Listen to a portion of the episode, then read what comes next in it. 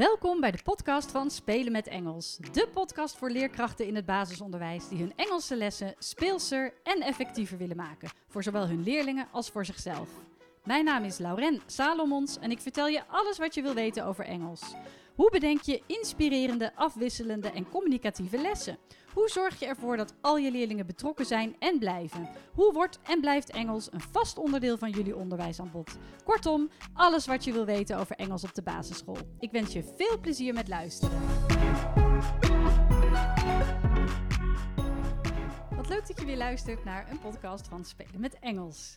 In deze aflevering wil ik het graag hebben over methodes en ook over het kiezen van een methode, over je doel voor Engels op jullie school en of je nu wel of geen methode moet kiezen, of je tevreden bent over je methode. Nou, ik denk dat er genoeg mee, uh, mee te delen valt over methodes voor Engels op de basisschool.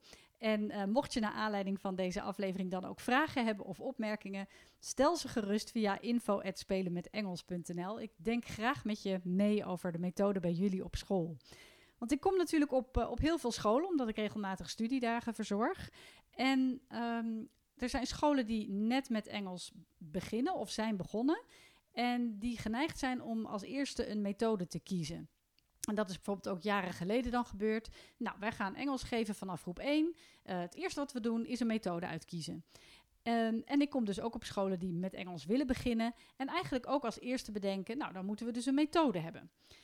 Het nadeel daarvan is, als je direct een methode kiest en daarmee aan de slag gaat, dat je na misschien wel enkele maanden al, maar zeker na enkele jaren eigenlijk erachter komt dat die methode misschien helemaal niet bij jullie manier van lesgeven past of bij jullie visie van uh, jullie onderwijsvisie of jullie visie over Engels in het, uh, in het, in het basisonderwijs.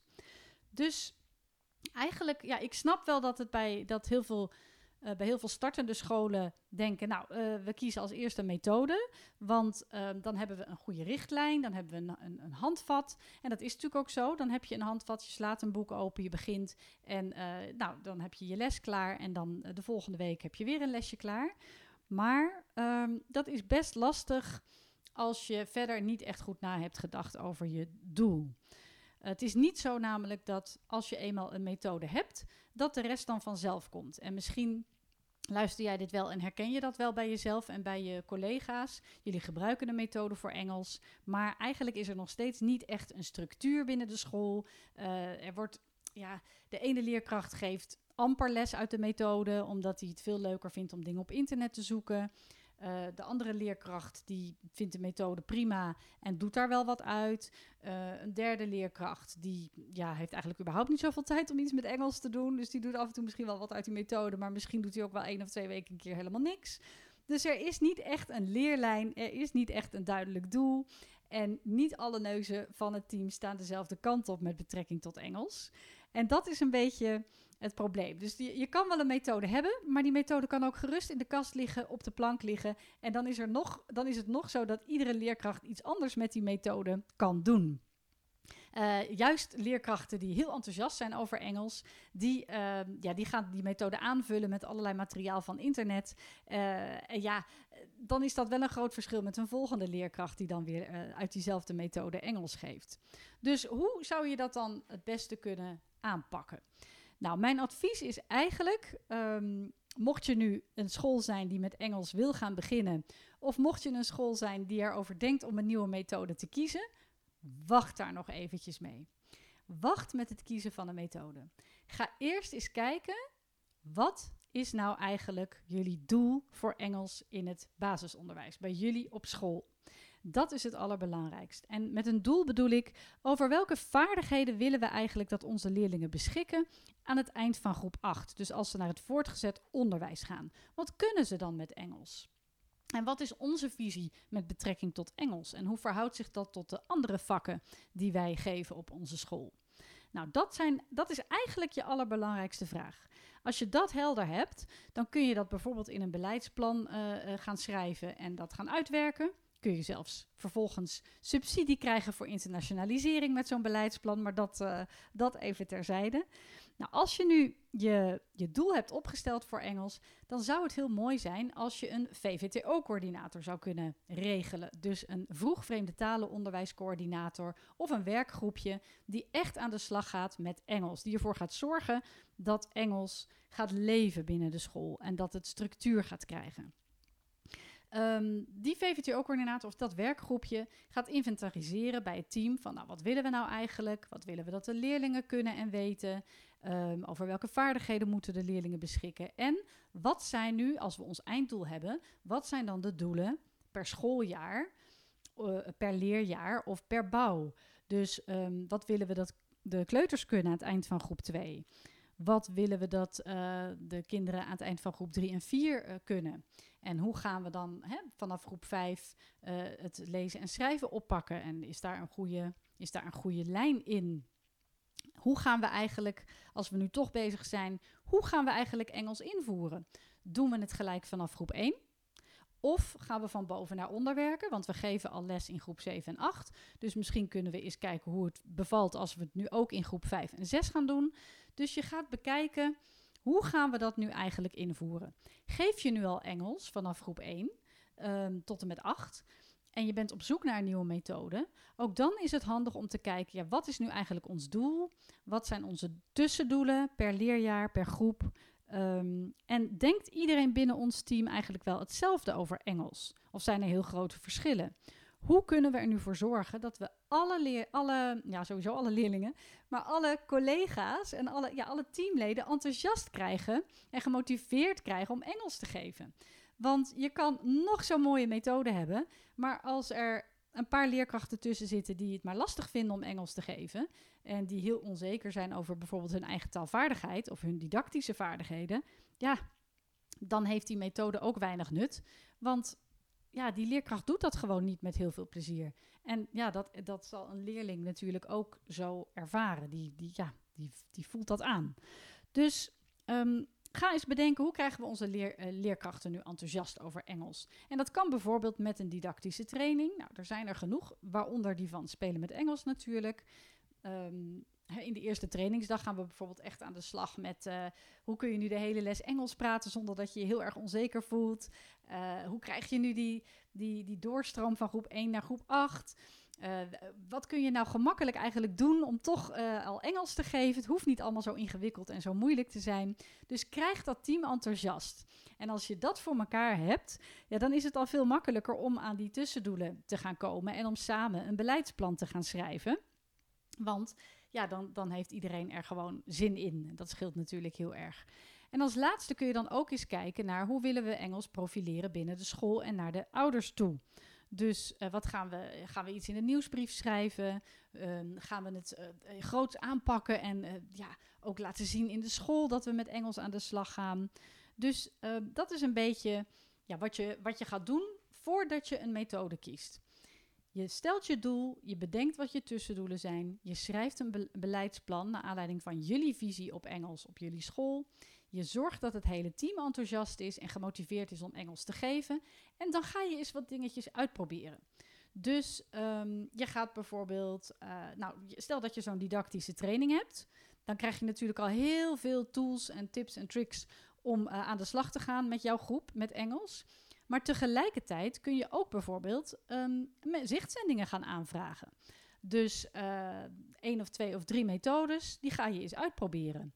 Wat past nou bij ons? Wat werkt? Wat werkt niet? Wat vinden de leerlingen leuk? Uh, zijn wij heel erg van een, digibord? Of vinden we het juist leuk als er meer spelende wijs Engels wordt gegeven? Um, sluit het aan bij de thema's die wij, of als je thematisch werkt bijvoorbeeld, sluit dat goed aan? Kunnen wij deze methode combineren met de andere vakken die we geven? Dus je gaat gewoon eens op je gemakje eigenlijk ja, dat uitproberen. Het hoeft niet allemaal in één keer perfect. Als je een nieuw vak echt goed gaat invoeren, dan kun je dat beter langzaam en goed doen. Dus echt voor de kwaliteit gaan, dan dat je het even snel doet en dat het eigenlijk, ja, dat de kwaliteit gewoon wat minder is. Dat niet iedereen enthousiast is, dat je niet die, die goede methode hebt. Dus ga dat stap voor stap uitproberen. Zo'n didactische training, de zichtzendingen van die methodes. Ga kijken wat leerlingen leuk vinden, wat past bij jou. En dan kan het zomaar eens zijn dat je als team niet per se voor één methode kiest. Je kan bijvoorbeeld ook beslissen om in de onderbouw, in groep 1 tot en met 4 of in groep 1, 2, zonder methode te gaan werken. En echt te gaan aansluiten bij de thema's die je toch al geeft in het Nederlands.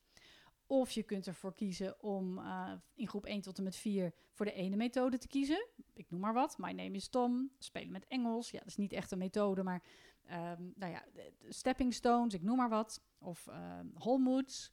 En uh, in groep 5 tot en met 8 kies je weer voor een andere methode. National Geographic, Big English, uh, Stepping Stones. Nou, Join In heb je natuurlijk ook nog.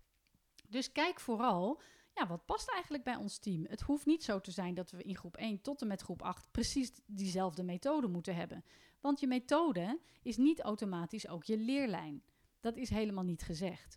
Dus je methode gebruik je om Engels te geven en daarnaast zorg je gewoon met elkaar voor een heldere leerlijn. En als je die helder hebt, dan maakt het niet uit of je 1, 2 of geen methode gebruikt. Dus dat is een beetje uh, ja, wat, ik, wat ik wilde zeggen over de, over de methodes. Veel scholen, ik snap het hoor. Het is heel fijn om zo'n methode te hebben, boekje open te slaan, handleiding te lezen en, en ervoor te gaan. Maar uh, ja, mijn ervaring is dus dat ja, weinig leerkrachten echt tevreden zijn over de methode die ze gebruiken. En dat ze vooral heel veel interactieve werkvormen missen, werkvormen voor spreekvaardigheid, dat soort dingen. Dus dat het toch wel vaak leerkrachtgestuurd is, heel klassikaal. En dat wil je natuurlijk niet. Je wil natuurlijk dat je leerlingen zoveel mogelijk bezig zijn en betrokken zijn. Dus dat is een beetje hoe je dan uh, ja, die stappen eigenlijk zet. En dan, dan kun je uiteindelijk misschien wel kiezen voor een methode of voor twee methodes. En uh, die kies je dan, maar dan ben je misschien al een jaar verder. Nou, dan ga je eens kijken, terwijl je al zo'n half jaar of een jaar Engels geeft met z'n allen. En je, bent, je hebt die didactische training gehad, je hebt, uh, je hebt die zichtzendingen uitgeprobeerd dan, zal, dan zal er nog een deel van het team zijn dat zich toch nog niet prettig voelt bij het geven van Engels vanwege hun eigen taalvaardigheid. Dat kan. Nou, dan zou je eens kunnen gaan kijken, oké, welke leerkrachten zouden nou nageschoold willen worden, zouden echt beter willen worden uh, in het geven van Engels. En dan kun je eens gaan kijken naar een cursus eigen taalvaardigheid. Dat kan bij jullie op school, dat kan je online individueel doen of je gaat naar iemand toe. Daar zijn ook weer verschillende mogelijkheden voor. Mocht je trouwens iemand, mocht jij uh, op een school werken en je mocht iemand zoeken, ik ken een heel leuk uh, iemand die dat doet. Maar goed, dat even uh, terzijde. Maar mocht je iemand zoeken, dan kun je me daar even over mailen. Nou, hebben, heb je ook die nascholing gedaan, dan zijn er eventueel volgende stappen, maar dat hoeft natuurlijk niet. Sommige scholen zeggen we willen voor een VVTO-keurmerk gaan. Nou, dan ga je ook weer kijken hoe willen we dat doel dan bereiken. Uh, wat is daarvoor nodig? Uh, sommige scholen zeggen we willen voor internationalisering gaan. Dus we willen veel meer met uh, bijvoorbeeld met een school in het buitenland contact hebben en projecten aangaan. En je gaat ook eens kijken naar uh, welke spelletjes willen we aanschaffen. Laten we eens een Engelse bibliotheek creëren. Laten we wat Engelse prentenboeken, maar ook leesboekjes voor de bovenbouw aanschaffen. Dus Engels wordt steeds groter, breder en gaat steeds meer leven binnen jullie onderwijsaanbod. Dat is een beetje, dat is een beetje het stappenplan. En dan ga je eigenlijk pas kijken, daarna ga je eigenlijk pas kijken naar, ja, hoe willen we nu dat Engels verdelen? Wat is de onderwijstijd um, per groep, uh, per leerjaar? Uh, in principe is het zo dat als je echt uh, effectief Engels wil geven en echt een resultaat wil zien aan het eind van groep 8, dan is het wel handig als je minimaal een uur Engels geeft per week. Veel scholen schrikken daarvan. Hoe een uur, dat, hoe dan? Hoe past dat in mijn rooster? Nou, daar, daar kan ik ook wel weer een podcast over, een andere podcast over maken. Maar in principe eh, is het zo, een VVTO-school ben je als je minimaal één uur in de week Engels geeft en dat ook in het Engels doet. Dan heeft dat effect op de, op de lange termijn. Maar je kan ook kijken naar, nou weet je, we zijn net begonnen. We gaan dat langzaam uitbouwen. Uh, in de onderbouw lukt dat wel. Dat is 10 minuten per dag of een kwartiertje per dag. Maar in groep 3, 4, ja, dan gaan ze ook lezen en schrijven. Dus dan doen we het bijvoorbeeld naar drie kwartier, doen we het wat minder. En dan bouwen we dat in groep 5 uh, tot en met 8 weer uit naar een uur. Ik noem maar wat. Dat, dat ga je met elkaar overleggen. Um, ja, en zo, ja, zo, zo heb je eigenlijk dan ook je tussendoelen. Je gaat ook bedenken na, na één of twee jaar, hoe willen we eigenlijk toetsen? Gaan we toetsen volgens uh, de toetsen die in de methode zitten? Um, gaan wij kijken hoe we bijvoorbeeld met de. Met, met, je hebt Anglia, je hebt Cambridge, maar je hebt ook hele andere soorten toetsen. Bijvoorbeeld een taaldorp of uh, spreekvaardigheidstoetsen. Dus op welke manier gaan wij evalueren? Nou, ook daar zal ik ook nog wel eens een podcast over, over maken, want ook daar zijn heel veel, uh, daar zijn genoeg keuzes in. Maar dit is een beetje het stappenplan. Dus niet eerst een methode kiezen, maar eerst kijken naar je doel. Dan het team enthousiast krijgen. Dan wat methodes gaan uitproberen. Dan eventueel een cursus eigen taalvaardigheid. Dan ga je verder kijken naar uh, eventuele ja, verdere doelen. Kiezen we een methode? Welke methode? Hoeveel uur gaan we Engels geven per, per bouw, per week? Uh, hoe gaan we dat inzetten? En hoe gaan we nou die doorlopende leerlijn creëren?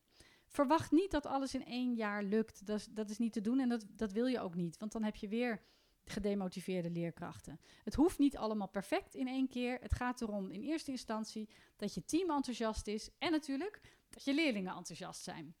Ik sprak toevallig vanochtend een juf die, uh, die gebruikt al een hele oude methode in de bovenbouw. Die zijn dus ook op zoek naar een nieuwe manier van Engels geven. Ze werken op een, uh, op een vrije school.